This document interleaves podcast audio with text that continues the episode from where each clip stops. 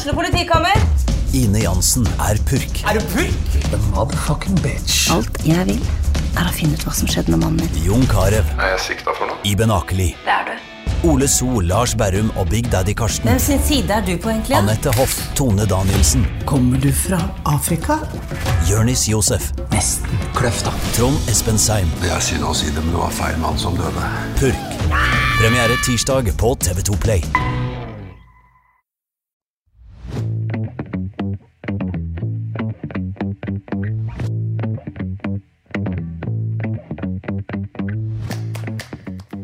Velkommen til en ny episode av TB-podden. Jeg heter Marie Olavsen, og i dag skal du få være med meg til Carolina Grønslett i Horten. Da Carolina kom tilbake på jobb etter å ha vært i mammapermisjon, manglet mellom 100 og 120 ansatte som hadde blitt nedbemanna. Ikke lenge etter gikk det samme veien med Carolina, det skal vi høre mer om. Løsningen ble å starte et eget selskap som heter Mandag igjen. Og hva legger Carolina egentlig i en god mandag? Hjemme hos oss har vi noe som heter Magisk mandag. Så da koser vi oss. Vi tar liksom lørdagen på mandagen også. Så da eh, lager vi ekstra god mat og kanskje har noe vin og sånn. Så vi har det å liksom glede oss til. Eh, og så har jeg adoptert noe eh, En ny trend som jeg har fått fra TikTok, tror jeg. Som er sånn bare minimum Mondays. At du ikke skal starte så hardt på med mandagene, men ha en sånn litt myk start på uka. da. En myk og snill start på uka. Så ja, så jeg vil si god mat og drikke og en litt sånn snill, eh, god sosial start på, på uka. Det er deilig å komme i gang etter helga. Mandagsgjengen til Carolina er selvfølgelig Carolina, men også samboeren Dino og sønnen Isak. Vi har en sønn som er veldig glad i barnehagen.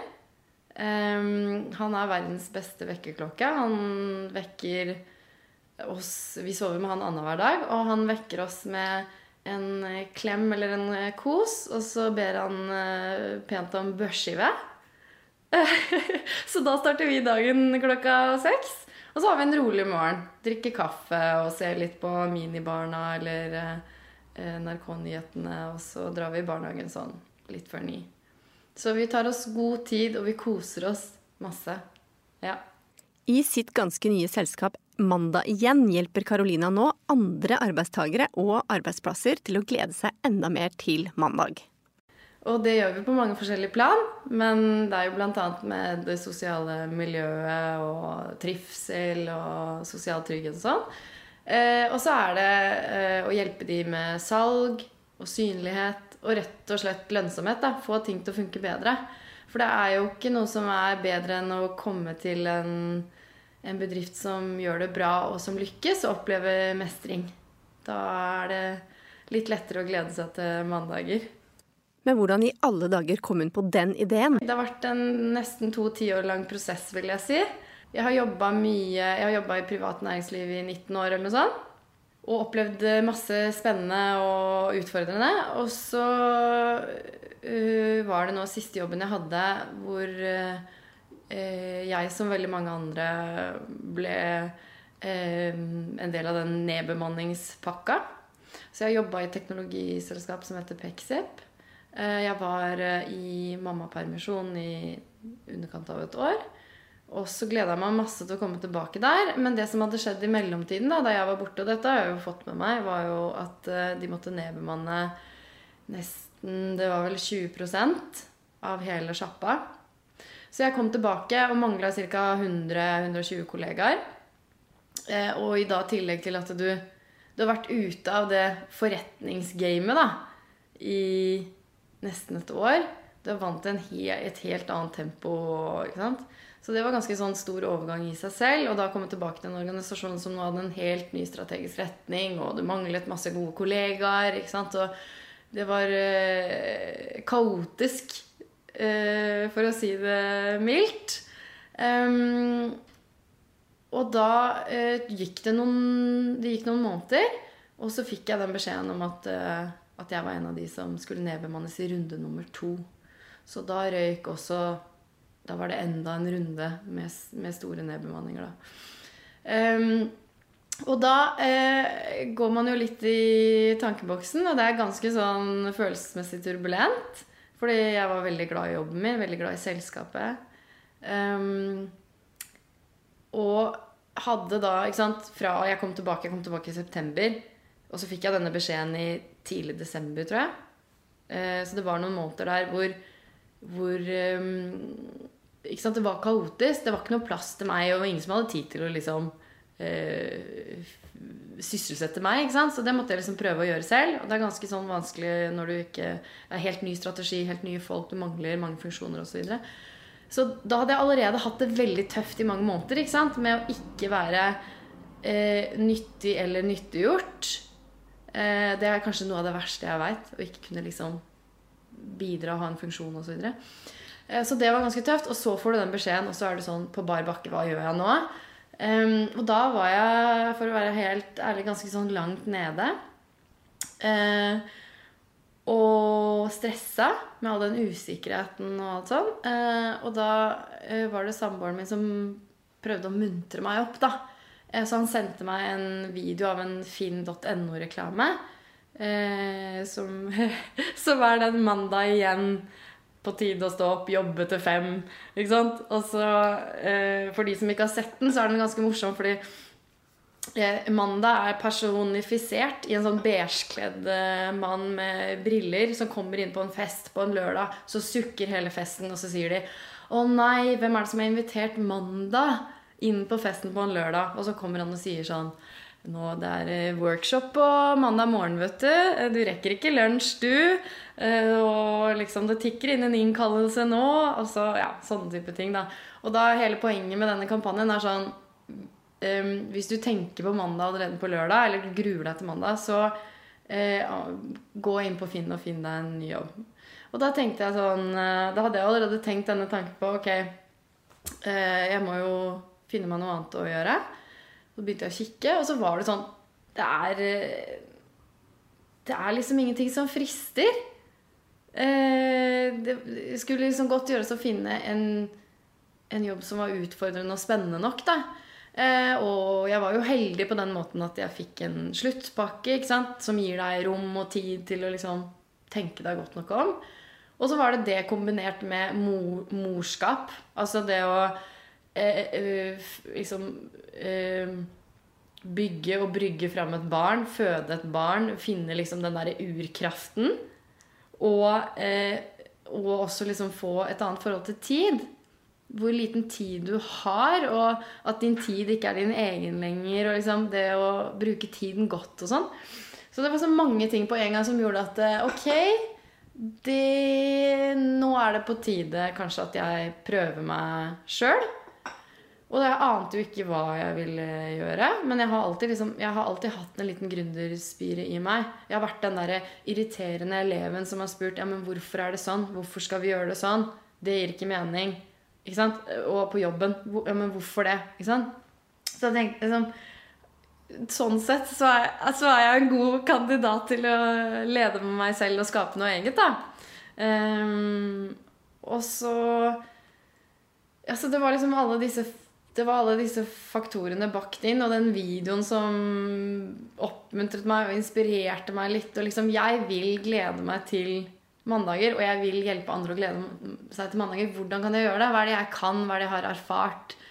Eh, hvilken kunnskap, hvilke evner er det jeg har? Så da var det å gå inn da, og sitte og lage en liste. Jeg kan markedsføring, jeg kan kommunikasjon, jeg går på strategi. Jobbet masse med prosjektstyring. Ikke sant? Ok, hva er det jeg mangler? Eh, jeg mangler Jeg har ikke så mye erfaring med rekruttering. Med mer det, dette, det psykologiske, ikke sant. Ok, da må jeg finne folk som kan disse tingene, som er ekspert på det, som har masse erfaring. Så da ja, fant jeg folk som jeg møtte på min vei. Og det var liksom veldig tilfeldig. Folk jeg har jobbet med tidligere eller blitt introdusert for. eller ja, bare har uh, dukket opp. Så vi laget et litt slags kunnskapskollektiv, da. Så mandag igjen er liksom det er meg, og så er det også andre uh, selvstendig næringsdrivende som jeg samarbeider med, som utfyller meg og kan gjøre de tingene som jeg ikke er ekspert på. Da. For da kan vi jobbe raskere og bedre og ja. Mm. Jeg lurer på hva nedturen hos Pexip har gjort med Carolina, og hvordan hun kan bruke den erfaringen til å gjøre andre arbeidstagere og andre arbeidsplasser til et bedre sted å være. Den hjalp meg på veldig mange måter, fordi på et personlig nivå så var det dette å skikkelig kjenne, kjenne etter. Hva er det uh, usikkerhet og altså, eh, mangel på struktur og uforutsigbarhet, hva gjør det med et menneske? Hva gjør det med eh, din evne til å gjøre godt arbeid? Hva, hvordan påvirker det ditt personlige privatliv? Det å på en måte kjenne på det og reflektere over det gjør at man blir litt mer bevisst i forhold til f.eks. For kommunikasjon. Eh, det jeg jobbet mye med når jeg kom tilbake fra mammapermisjon til jeg ble sagt opp, det var internkommunikasjon. Fordi eh, mange var forvirra, eh, redde. De tenkte jo sånn Er jeg neste? Og det gjør jo at folk blir sånn paralysert av frykt. De blir redd for å ytre bekymringer og, og si fra om feil eller mangler. Fordi de vil jo bare liksom eh, være til nytte og være en god ressurs, sånn at ikke de selv er den neste som ryker, da. ikke sant? Så det å jobbe jobbe bevisst med kommunikasjon mot de ansatte. Da, trygge de og um, at man kan for, liksom, Hvordan forteller man ting? Forteller man om bakgrunnen og kontekst for avgjørelse, hvorfor de må ta? Det skaper tillit og trygghet. Ok, vi er på en god vei, vi forstår hvorfor vi må gjøre det vi må gjøre. Og, og, og liksom trygge de, da. Så det var kanskje én bit. Dette med liksom hvordan forholde seg til sine ansatte som medmennesker for å motivere de og, skape liksom um, hva heter det um, Community, eller liksom at man kan gå framover i en sånn styrka tropp. da. Um, så det vil jeg si hjalp mye. Eller liksom den prosessen hjalp meg mye med det. I forhold til det med å jobbe med motivasjon og strategi og mål og hvorfor gjør vi det, hvor skal vi, osv. Uh, ehm, og inspirere og, og, denne type ting. Uh, for det jeg gjorde blant annet, var at jeg hadde sånn jeg jobbet med hver avdeling. Mm, og så hadde vi et veldig klart mål med denne internkommunikasjonen. Vi må forbedre internkommunikasjonen. Hvorfor det? Jo, fordi du skal ha gode verktøy, prosesser og prosedyrer for å kunne gjøre jobben din best mulig. Det er liksom målet. Da trenger vi alles hjelp, alles innspill. Så alle ble engasjert. Så da tok jeg liksom møte med alle topplederne for avdelinger og sa liksom jeg trenger 15 minutter. Jeg skal fortelle om dette prosjektet nå. Alle skal tenke over hva de mener er viktig. Hva stjeler tid? Hva gjør de ineffektive? Så liksom hele organisasjonen på da 400 folk fikk være med og medvirke. da. Og det gjorde at de gikk fra å være sånn redde, eh, paralyserte, umotiverte, frustrerte, sinte Det er veldig mange følelser i en sånn prosess. Det gjorde til at de ble, ble eh, litt mer sånn ja, At de kunne være med på prosessen. At de kunne ta kontroll. Så det var veldig gøy å se at folk faktisk ble motivert og inspirert av det. Og så fikk vi jo masse nyttig innsikt da, på hva som ikke funka, hva som egentlig var problemene. Og jeg var helt jeg har aldri gjort en sånn prosess før, men jeg var helt sikker på at hvis jeg snakker med nok folk lenge nok, så vil løsningene åpenbare seg. Og det er kanskje noe av det jeg har lært mest av, er, er liksom dette å jobbe med innsikt jobbe med ansattinnsikt, jobbe med kundeinnsikt og virkelig forstå hva er det som er behovene nå. Ok, Det er trygghet og forutsigbarhet. Hvordan kan vi gi det? da? Fordi alt er jo, uansett om det er salg, ledelse, eh, markedsføring, så handler det om å forstå mennesker og menneskers behov. Hva er det de, er det de ønsker, hva er det de trenger? da? Det er ofte få ting som skal til. ikke sant? Det er ikke nødvendigvis de store lønningene eller bonusene eller andre liksom, finansielle Eh, fordeler. Det kan være det for noen, og det spørs jo selvfølgelig på stillingens natur og sånn. Men, men, ofte så er det å bare bli sett og satt pris på utrolig virkningsfullt for motivasjonen, da. Og det å kunne være med og påvirke og få din stemme hørt. Det var ikke sånn, det sa jeg jo tidlig i denne internkommunikasjonsprosessen, at det, vi kommer ikke til å få til alt. Og vi kommer ikke til å få det til over, altså få til disse forbedringene over natta. Og dere må være med å gjøre det. Nå skal dere mene noe, og så skal vi finne noen tiltak. Og så må dere være med å faktisk implementere det. Og vi kommer ikke til å få til alt. Men det at de bare ble spurt, gjør jo at eh, det er enklere å svelge den beslutningen da når den først kommer, og du forstår konteksten av hvorfor ting må gjøres. Så jeg, jeg tok den oppsigelsen, eller den nedbemanningen, jeg vet ikke hva man kaller det sånn teknisk sett, men jeg tok den på mange måter tungt, men også som en velkommen mulighet til liksom ny læring. Og det som var gøy å se, var Jeg jobbet mye med eh, Pexip i forhold til hvordan eh, formidle vanskelige beslutninger. Eh, og det som var veldig artig, var at det, i, jeg så mange eh, Noen forbedringsområder eh, når det skulle formidles denne nedbemanningsprosessen. Da. Og da delte jeg noen tips og noen innspill og sånn med topplederne der. Og så, når jeg da selv skulle få den beskjeden så så jeg at jeg hadde brukt alle de teknikkene! og det var Det ble jeg veldig sånn stolt og glad for, fordi det betydde at jeg kunne være nyttig i en sånn prosess som var vanskelig også for meg. Og at, at det virket. da, At det hadde en positiv, positiv effekt. Og at den, den, prosessen, den praten, den ble mye bedre. Ikke sant? For den handlet ikke om de økonomiske konsekvensene eller motivasjonene bak å gjøre det. ikke sant? Vi må være profitable. Det er jo vår ene og alene Ja mot styret og aksjonærene. Men det handlet om liksom Da ble det presentert f.eks.: Dette er en vanskelig beslutning for alle. Det er vanskelig for oss, men det er vanskeligst for dere eh, som nå ikke har noe jobb. Dette er ikke personlig. Vi har ingen å miste. Da ble det ble en mer menneskelig, mer empatisk og ærlig eh, annonsering rundt det, som var veldig, veldig fin, da. Mm. Pexip, der Carolina jobbet, drev med videoteknologi og fjernkommunikasjon. Da pandemien kom, fikk de veldig mye å gjøre og ansatte veldig mange mennesker. Men etter hvert kom Microsoft på banen med Microsoft Teams-ordningen. Dermed ble det nedbemanning. Så det er rett og slett grunn. Det er veldig rask og uforutsigbar endring.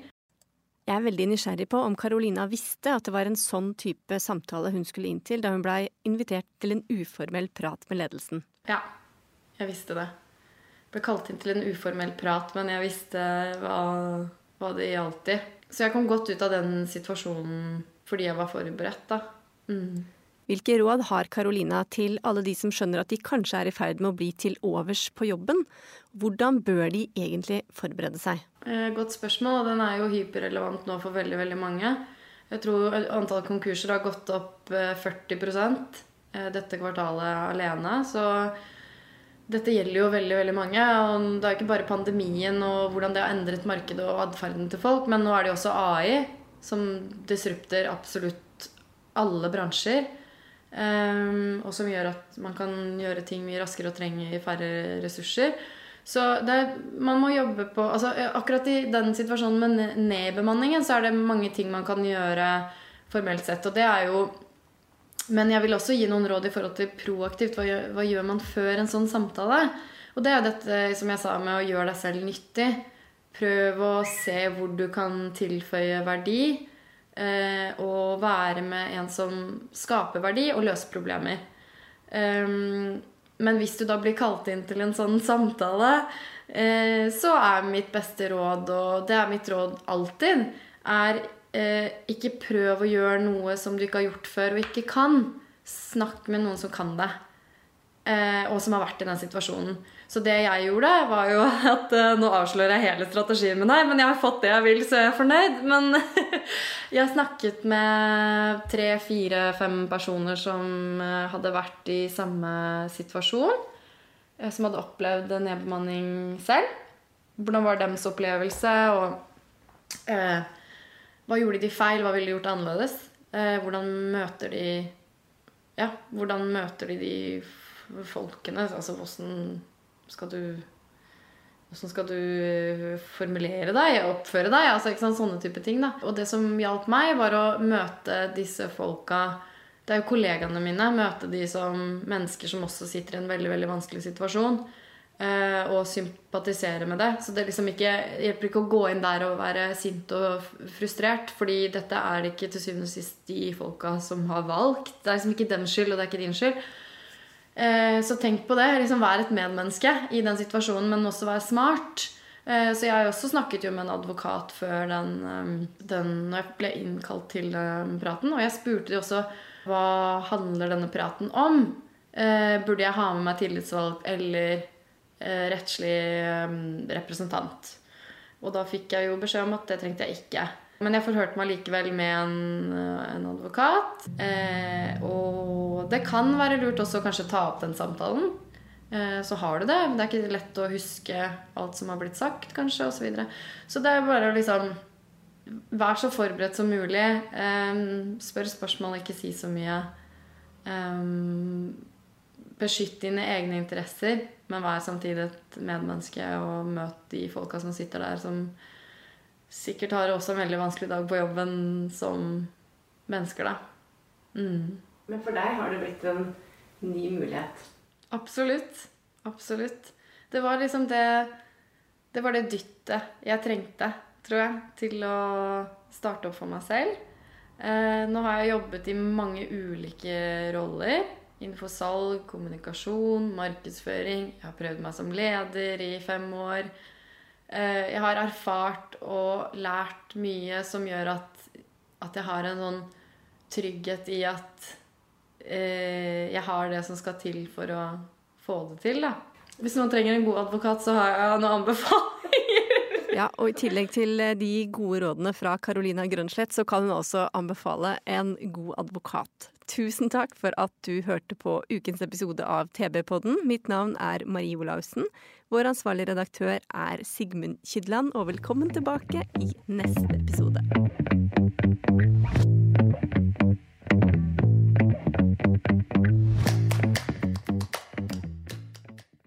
Har du et enkeltpersonforetak eller en liten bedrift? Da er du sikkert lei av å høre meg snakke om hvor enkelt det er med kvitteringer og bilag i fiken, så vi eh, gir oss her, vi. Fordi vi liker enkelt. Fiken superenkelt regnskap.